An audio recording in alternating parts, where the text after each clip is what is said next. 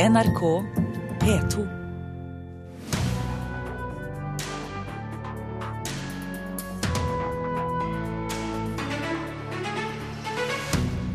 Nye norske boligblokker er kalde og på grensen til det umenneskelige, sier kunstner Kristoffer Odlund.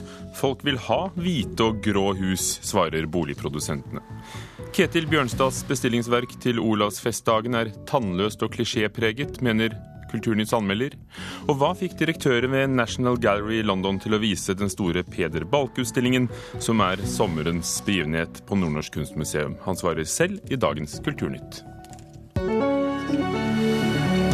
Her i Nyhetsmorgen i NRK. Det nye kulturhuset i Bodø er hvitt, de nye boligblokkene ved Bjørvika er grå og hvite, og det er bare to eksempler på nybygg som er fargeløse. I hvert fall er det det kunstner Kristoffer Rådlund kaller dem. Han er en av forfatterne bak boken En sort bok om arkitektur. Han skylder på utbyggerne, men de mener eh, det er viktigere å bygge rimeligere og bra boliger enn å tenke på fargevalg. Hvite og grå kasser, billige materialer, kantete. Ingen runde former å se noe sted. Fullstendig utilitært. På grensen til umenneskelig. Slik beskriver kunstneren Kristoffer Rådlund de mange nye boligblokkene på Grønland i Oslo. Han er en av forfatterne bak boken 'En sort bok om arkitektur', og mener vi bør stille spørsmålet Hvorfor er arkitekturen så fargeløs? Og utdype? Det fins ikke noe innbydende i de her fasadene. Det fins ikke noe som sier at dette er mennesker av kjøtt og blod, dette er mennesker som føder barn, som elsker. For Rådlund har sett seg lei av at boligene og blokkene som bygges i dag, er skremmende like, og nesten utelukkende males i hvitt, grått og beige. Jeg kan se at det er en ganske ensartet bebyggelse, det som bygges nå. Husene ser ganske like ut og, og ganske under samme fargeplett. Det sier Ingvild Hegna og jobber i Norsk design- og arkitektursenter. Hun tror mye av grunnen til de lyse og duse fargevalgene er reguleringsplaner, som bestemmer at nye boliger ikke skal skille seg for mye ut i nabolaget. Man skal holde seg til en nøytral farge, og at det skal på en måte tilpasses seg omgivelsene. Det, er, det, skal på en måte litt mot til å bruke farger, og vi er vant til at det er på en måte naturfarger, og at vi skal tilpasse oss omgivelsene og landskapet. Og da er det veldig lett å legge seg inn i de, den fargeskalaen. Både Hegna og Rådlund mener at utbyggerne må ta ansvar for at husene som bygges, ikke blir for like. Mens utbyggerne selv mener at det er en annen grunn til at de bygger i hvitt, grått og beige. Grunnen til det er at folk etterspør det, og at det ikke skal skille seg så mye ut i boligene som er. Det sier Mitt navn er Per Jæger, eh, Boligprodusentenes forening. Han mener det er langsiktig å velge slike farger, og at det vil koste for mye hvis man skal ha et altfor stort fargesortiment. For ham er det viktigere å tilby billige boliger med kvalitet, enn å tenke på fargevalg. For det gjør at vi vil kanskje ha hele generasjoner som ikke kommer inn på boligmarkedet. Og det er en større bekymring enn hvordan fargen er i eh, dagens marked. Selv om vi håper at vi skal ha spennende arkitektur, og som klarer å utnytte de fargevalg vi, vi etterspør. Hvitt og grått kan jo også være fint. Tenk bare hvor flott operaen er i dag. På gata i Oslo har folk delte meninger om den hvite og grå fargekulturen. Av og til er det veldig fint, og av og til er det ikke. Ja. Det høres jo litt kjedelig ut, da. Det er jo ikke noe sånn rødt eller grønt eller gult eller Jeg syns mot hvitere farger er mye finere. Jeg kunne tenkt meg litt mer farge. Nå har vi vært i ja, ja, både Bremen og forskjellige plasser. Og der er det jo både litt sånn knaske turkis og litt lilla og litt uh, sånne gøye farger, da. Det frisker litt opp, tenker jeg. Hvilken farge har du på huset? Hvitt. og kunstner Kristoffer Rådlund han feller sin dom over Oslos stolthet Barcode, som han mener er altfor kald i fargevalget. Den muren, den kjølige muren, får man tenke på, på den der muren i Game of Thrones. Og reporter her var Åsta Hoem Hagen. Kulturkommentator i NRK Agnes Moxnes, er det pengene som styrer? Ja, Til en viss grad er det jo det, for vi snakker jo om masseprodusert materiale som er praktisk og, og rimelig. Men fargene på dette eh, masseproduserte materialet er jo et resultat av det arkitekter og byplanleggere, og det er jo gjerne også arkitekter, det de ønsker seg. Og, og fargetonene som sprer seg i Norge i dag, det er jo som om det, om det har gått en slags sånn forsiktig sorg over landet vårt. For det går jo altså fra det tåkehvite til det blygrå. Og hvorfor er det slik, ifølge deg? Altså Det virker på meg som om arkitekter elsker de fargefattige husene. Og det har de jo gjort siden, eh, iallfall siden 30-tallet. Og man kan vel mistenke dem for at de syns at det aller viktigste med et bygg er formen og fasongen som de selv har tegnet, og at de syns at kommer, den kommer bedre til sin rett ved eh, forsiktig fargebruk. Operaen ble nevnt i reportasjen og husene i strekkoden eh, Barcode, som det heter i Oslo. Eh, hvilken rolle spiller fargevalget på skal vi kalle det signalbygg? Ja, Det spiller jo en veldig viktig rolle, selvfølgelig. Og det ligger jo i ordet signalbygg at det skal virke inspirerende på andre, og ikke bare arkitekter. Men eh, vi vet jo det at det kommer altså entreprenører, lokalpolitikere kommer og ser disse byggene, tenker at vi skal ha slikt også i vårt lokalmiljø lokalmiljø når vi skal bygge nye hus. Og når det gjelder eh, Barcode, altså den rekken med høyhus som legger mellom Oslo S og, og Operaen i Bjørvika i Oslo, så er de et ganske godt eksempel. For de viser hvilken fantasi og lekenhet det er i utviklingen av formen, mens da fargene igjen er hvitt og mot det, mot det grå. Men det handler vel også om materialvalget, for operaen er kanskje hvit, men det er nå marmor? Ja, selvfølgelig handler det om Og når det gjelder marmorbruk, så er jo det et, et naturmateriale, så der velger man vel ut ifra hvilken steinfarge man ønsker seg. Hvor eh, henter de inspirasjonene fra? Ja, dette, Man ser jo det samme over hele fjøla, altså rett og slett over hele verden. For det er en voldsom internasjonalisering av arkitekturen. Eh, det gjelder både liksom enkeltbygninger og, og, og bydeler. Ikke bare i Bjørvika, så nå er det veldig synlig der, for det er jo en stor, stor ny bydel som bygges opp i Oslo sentrum. Men hvis du går til Tromsø sentrum f.eks., så vil jo liksom både det nye rådhuset, biblioteket og terrasseleiligheten som ligger midt inne i byen, være eksempler på akkurat det samme. Det er britiske arkitekter som har tegnet det nye kulturhuset i Bodø, altså Stormen, som skal åpne nå i høst. Det er hvitt. Nasjonalmuseet i Oslo er tegnet av tyske arkitekter arkitekter eh, har granittgrå vegger, mens eh, Snøhetta, da, norske Snøhetta som tegnet operaen, eh, de bygger stålgrått i, i Saudi-Arabia. Takk. Agnes Moxnes, kulturkommentator.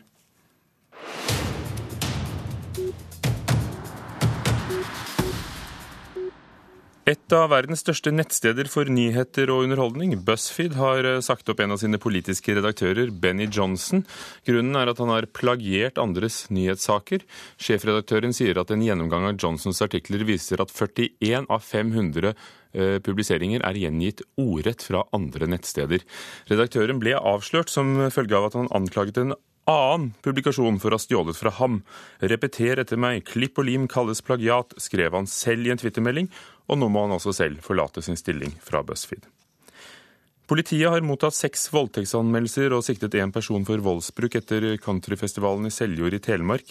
Ifølge politiet ble 16 mennesker fjernet fra festivalområdet og satt i politiarrest.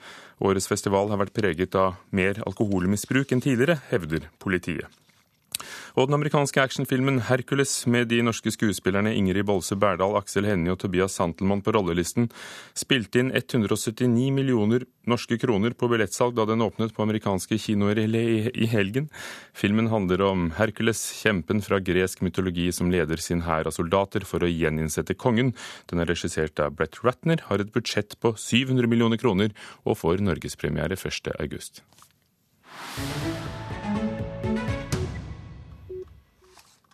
En av dem som har sett spel om Heilag Olav denne helgen, er lederen av kulturkomiteen på Stortinget. Høyres Svein Harberg bor i en campingvogn i sommer og tok med seg familien til Stiklestad og Trøndelag for å få med seg mest mulig kultur. Nei, Nå har jeg parkert den på Stiklestad camping. Så eh, nå er vogna og familien parkert der, så nå er jeg klar til aktivitetene. En høyreist mann med blå T-skjorte og shorts myser mot sola. Høyres Svein Harberg er på kulturferie med familien. Her oppe i, i Trøndelagsområdet her skjer det mye, og her var det mye jeg ikke hadde sett. Og Derfor ble det naturlig for meg å, å velge det. Syns jeg den kombinasjonen med å ta med familien eh, og gjøre det litt til ferie og litt dannelsesreise for barna mine, vet du. Så de lærer disse tingene. Det syns jeg ble en veldig fin kombinasjon. Så når, når, jeg da fikk det til å bli sånn aktiviteter dag etter dag i, i en eh, god uke, så syns jeg det var veldig greit. Turen gikk fra Grimstad så til klosterruinene på Tautra, og nå står Stiklestad for tur. For lederen for kulturkomiteen har aldri vært her, og dessuten så har han en del å lære. Ja, ja nå er vi på Molåntunet, da. Ja, fantastisk. Og det er jo så flotte, disse husene. De er jo, Jeg har sett på det når vi har kjørt siste stykke oppover nå, disse lange, flotte husene. Og så ser du at de har bygd på etter hvert som de har hatt økte behov. Vet du hva de heter, da? Ja, Det heter langhus, gjør det ikke det? Det heter trønderlån. Trønderlån er selvfølgelig, det har jeg jo hørt. Det er jo det riktige uttrykket. Ja, det var litt sånn, det var litt sånn sørnorsk å kalle det langhus. det var det. På sin trøndelagsturné skal Harberg både innom Namsos og Olavsfestdagene i Trondheim. Og det kan hende at de plassene han besøker blir verna på neste års budsjett. Eh, og så er det jo alt som du har opplevd, får du et sterkere forhold til. Og jeg syns som, som, leder for kulturkomiteen at det er urettferdig hvis jeg bare skal ha et sterkt forhold til det som er nærmest der jeg bor, eller nærmest Oslo. Så jeg må òg få det forholdet til aktiviteter rundt om i landet. Og det vet jeg at når jeg er og besøker det, så får jeg det. Blir det noe kutt i budsjettene for Stiklestad, da? Nei, vi kan jo ikke det nå. Nå er jeg jo her og sier at jeg er her for å, for å forstå engasjementet, så det går jo ikke an. Og så, og så skal jeg jo si det at det har vært flotte og flinke trønderpolitikere i kulturkomiteen før. Så jeg ser, jo, jeg ser jo det i budsjettet, at Trøndelag er godt ivaretatt. Så det tør vi jo ikke gjøre noe med. Nei, det endrer du på. Nei, det kan jeg jo ikke. Men er jo, det er jo sånn at det er ganske tøff kamp om de kronene som vi skal ha til, til de forskjellige områdene i politikken. Sant? Og kulturbudsjettet òg er under press. Så jeg tror det det handler mer om hvordan du bruker pengene, enn hvor mye penger du bruker. Det tror jeg er vår utfordring framover. Så her er selve hovedarenaen. Du verden. Du verden. Og her, her, er jo vanvittig mange plasser her. Her Ca. 8000. Ja, sant. Ja, det, er, det, det var mye større eh, publikumsplass enn jeg hadde tenkt meg. Ja. Og neste år, da? Hvor går eh, familieferden hen da? Nei, nå får vi evaluere når vi kommer hjem etter denne en og en halv uke først. Og så kan det jo være at jeg må reise alene neste år. Det, det er ikke så godt å si. Ja, og det var Kaja Kristin Næss som møtte Høyres uh, Svein Harberg, Stortingets uh, kulturkomitéleder i Trøndelag.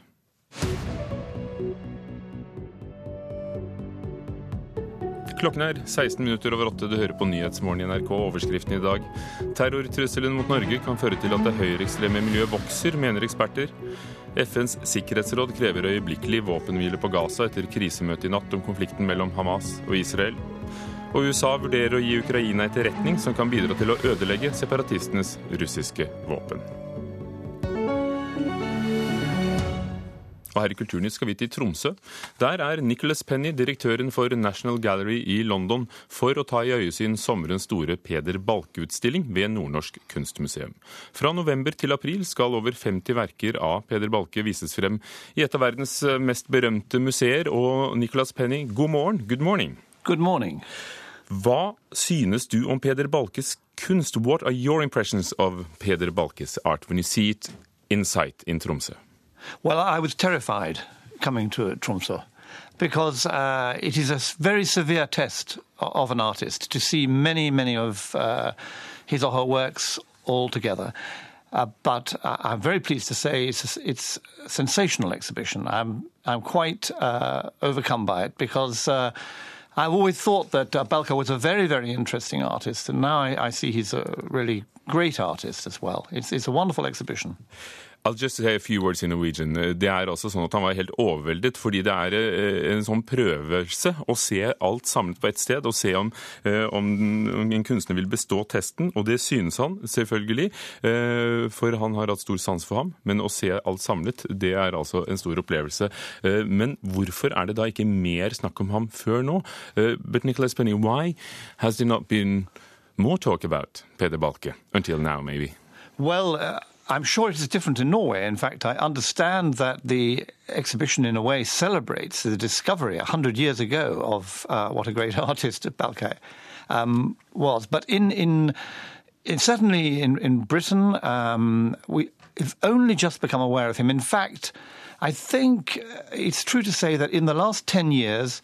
The most uh, notable discovery of an artist um, has been that of Peter Balkay. It's mostly among uh, collectors, um, and mostly for his very small uh, uh, paintings, which have become more and more valuable and in which there is more and more of an interest. But so far, the larger art loving public has no knowledge of Balk. It is just a little elite of uh, collectors and some art historians. Så det er de siste ti årene altså at samlere har fått øye på ham også i Storbritannia, eh, særlig de små miniatyrbildene, men ikke det store publikummet. And is it that is that why you you you've agreed to put this exhibition up in National National Gallery and want eh, Peter exactly, there? Exactly. Um, it, I think it will be a huge success.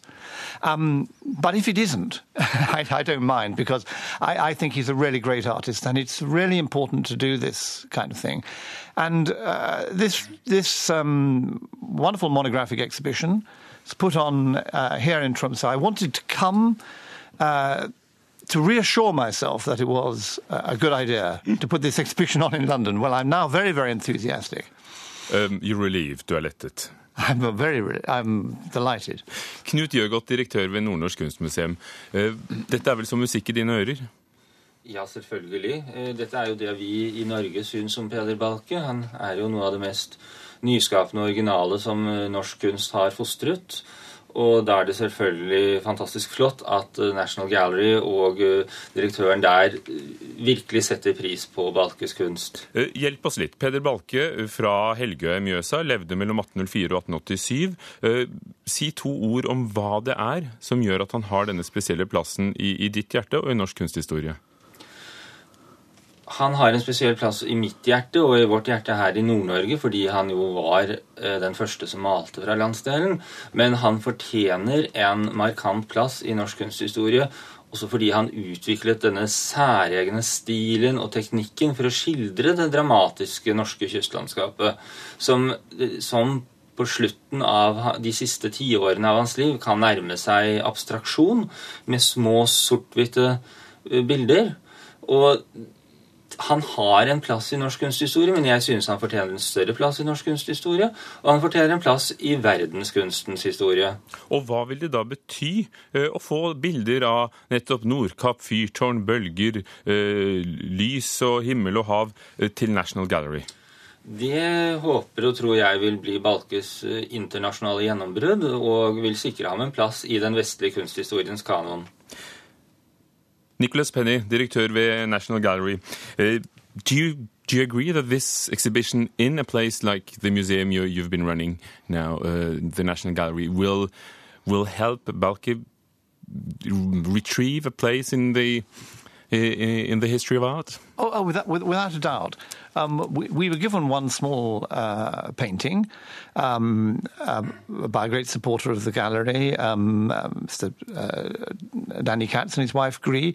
And this is a very small picture. It's already made a, a, an impression in London. And I think when people see a larger group of these extraordinary pictures, um, it will um, it will change things. It, gradually, over the last uh, 20, 30 years, a number of uh, Scandinavian artists have come to be uh, accepted into the canon of, uh, of European painting as uh, artists you have to take into account. And I'm sure Balke will be, be one of these as a result of this exhibition. Så gradvis vil Balke bli en av flere skandinaviske kunstnere som gjennom de siste 30 årene eh, er blitt en del av kunsthistorien og bevisstheten også i Storbritannia. If you were to put him next to some other great artists that you, you have in your wonderful collections, who would that be? Hvem ville du satt ved siden av? Well, it's a, it's a very good question because what strikes me as um, most remarkable about Belka is actually that he reminds me of certain types of uh, 20th century painting on the one hand, or also certain types of Chinese painting on the other. And uh, so that's what he, he looks like to me. I don't, um, I don't think he really was an abstract painter, and I certainly wasn't a Chinese painter. But uh, um, this is a these are the comparisons I make. But you can understand uh, the way he painted. You know, really, I, I do think of some of um, of Turner's work and uh, uh, most experimental landscape painting. I was hoping you would say that, Turner. Well, here, I'll say it again. um, he's, a, he's a very original painter, and, and he reminds me of Turner. En veldig original maler som eh, maler eh, så å si abstrakt, kanskje uten å ville det. Minner ham om 1900-tallskunst, om kinesisk kunst, og ikke minst om den store engelske maleren uh, Turner. Takk skal dere ha, begge to. Knut Jødegodt, direktør ved Nordnorsk kunstmuseum, and thank you very much, director at the National Gallery in London, Nicholas Penny, for coming here. Tusen takk. Thank you. Vi skal til Trondheim, der Olavsfestdagene åpnet denne helgen med et bestillingsverk av Ketil Bjørnstad.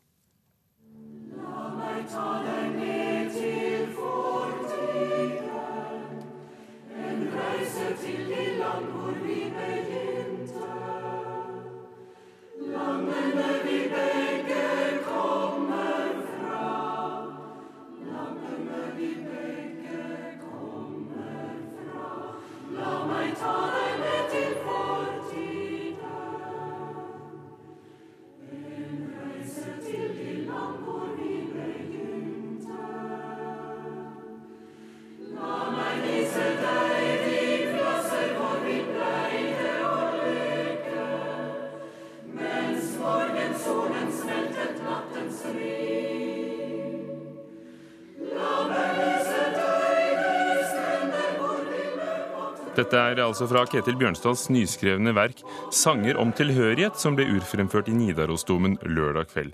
Verket bestilt av Olavsfestdagene som åpningskonsert, og ble fremført av sangerne Håkon Kornstad og Tore Augestad, i tillegg til Nidarosdomens oratorikor, som vi hørte her. Øystein Sandvik, vår anmelder av klassisk musikk, hva er ditt hovedinntrykk? Altså, dette er jo et verk som er gjenkjennelig Ketil Bjørnstad, både musikalsk og tekstmessig. Musikken eh, ligger jo mellom eh, vise, jazz og klassisk, som det ofte gjør hos Bjørnstad. Og denne musikken er iørefallende, den er vakker på sitt beste, men dessverre fremstår verket som helhet som litt for tannløst og klisjépreget. Selv om det spenner over disse forskjellige sjangerne, så er det likevel uh, litt kontrastfattig rett uttrykksmessig. Det heller hele tiden mot det lett uh, sentimentale, og, og tekstene går i litt ulike retninger, så musikken kanskje ikke helt klarer å følge opp. Eh, så da, til tross for eh, gode solister, klarte dette aldri å heve seg over eh, det noe pregløse og til tider banale. Hmm. Men hvordan vil du beskrive det, merket?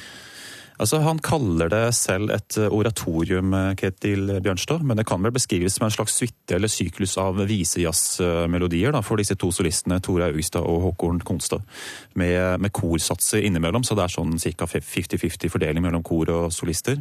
Og så har vi i tillegg tre instrumentale intermessi som, eh, som låter omtrent som den jazzmusikken som Ketil Bjørnstad har gitt ut tidligere, da, hvor bl.a. Håkon Kornstad får vist seg frem som improvisator.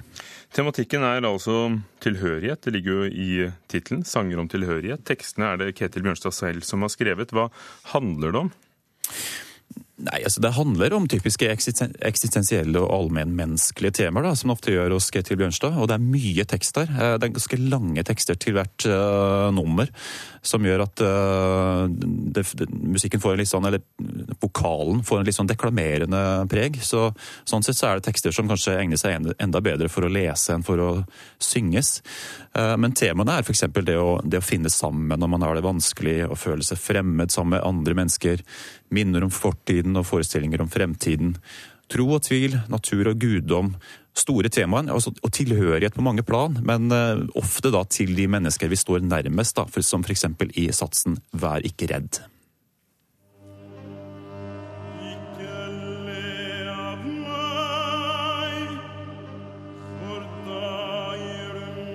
til en klar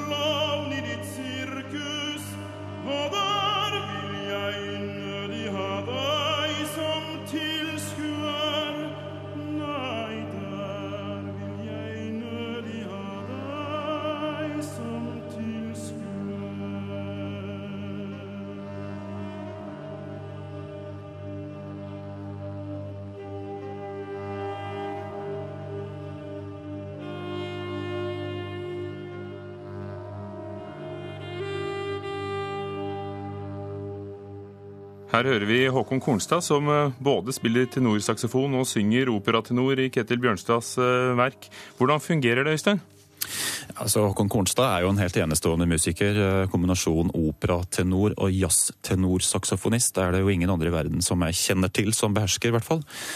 Og Ketil Bjørnstad har jo skapt rom for dette konseptet til Håkon Kornstad med å loope sin egen saksofon og så synge oppå.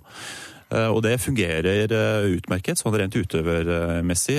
Han er kanskje fremstår litt mer som uferdig som sanger enn som saksofonist, selv om det er da imponert over hans uanstrengte klang i høyden og naturlige frasering. Mange utøvere i aksjonen her, bl.a. Nidarosdomens oratoriekor. Hvordan fungerte dette?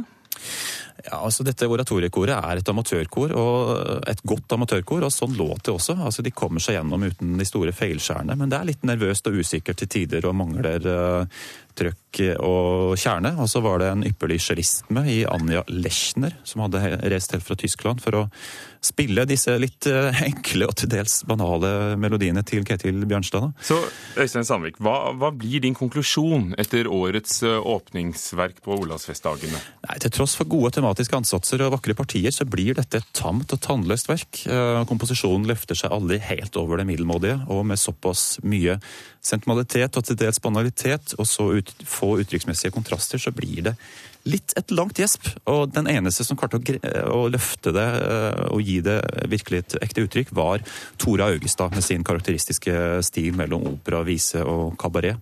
Ta, takk skal du ha, Øystein Sandvik. Det er faktisk det vi rakk her i Kulturnytt, som var ved Tone Staude, produsent, Marianne Myhrol, teknisk ansvarlig, og Ugo Fermarello, programleder. Hør flere podkaster på nrk.no podkast.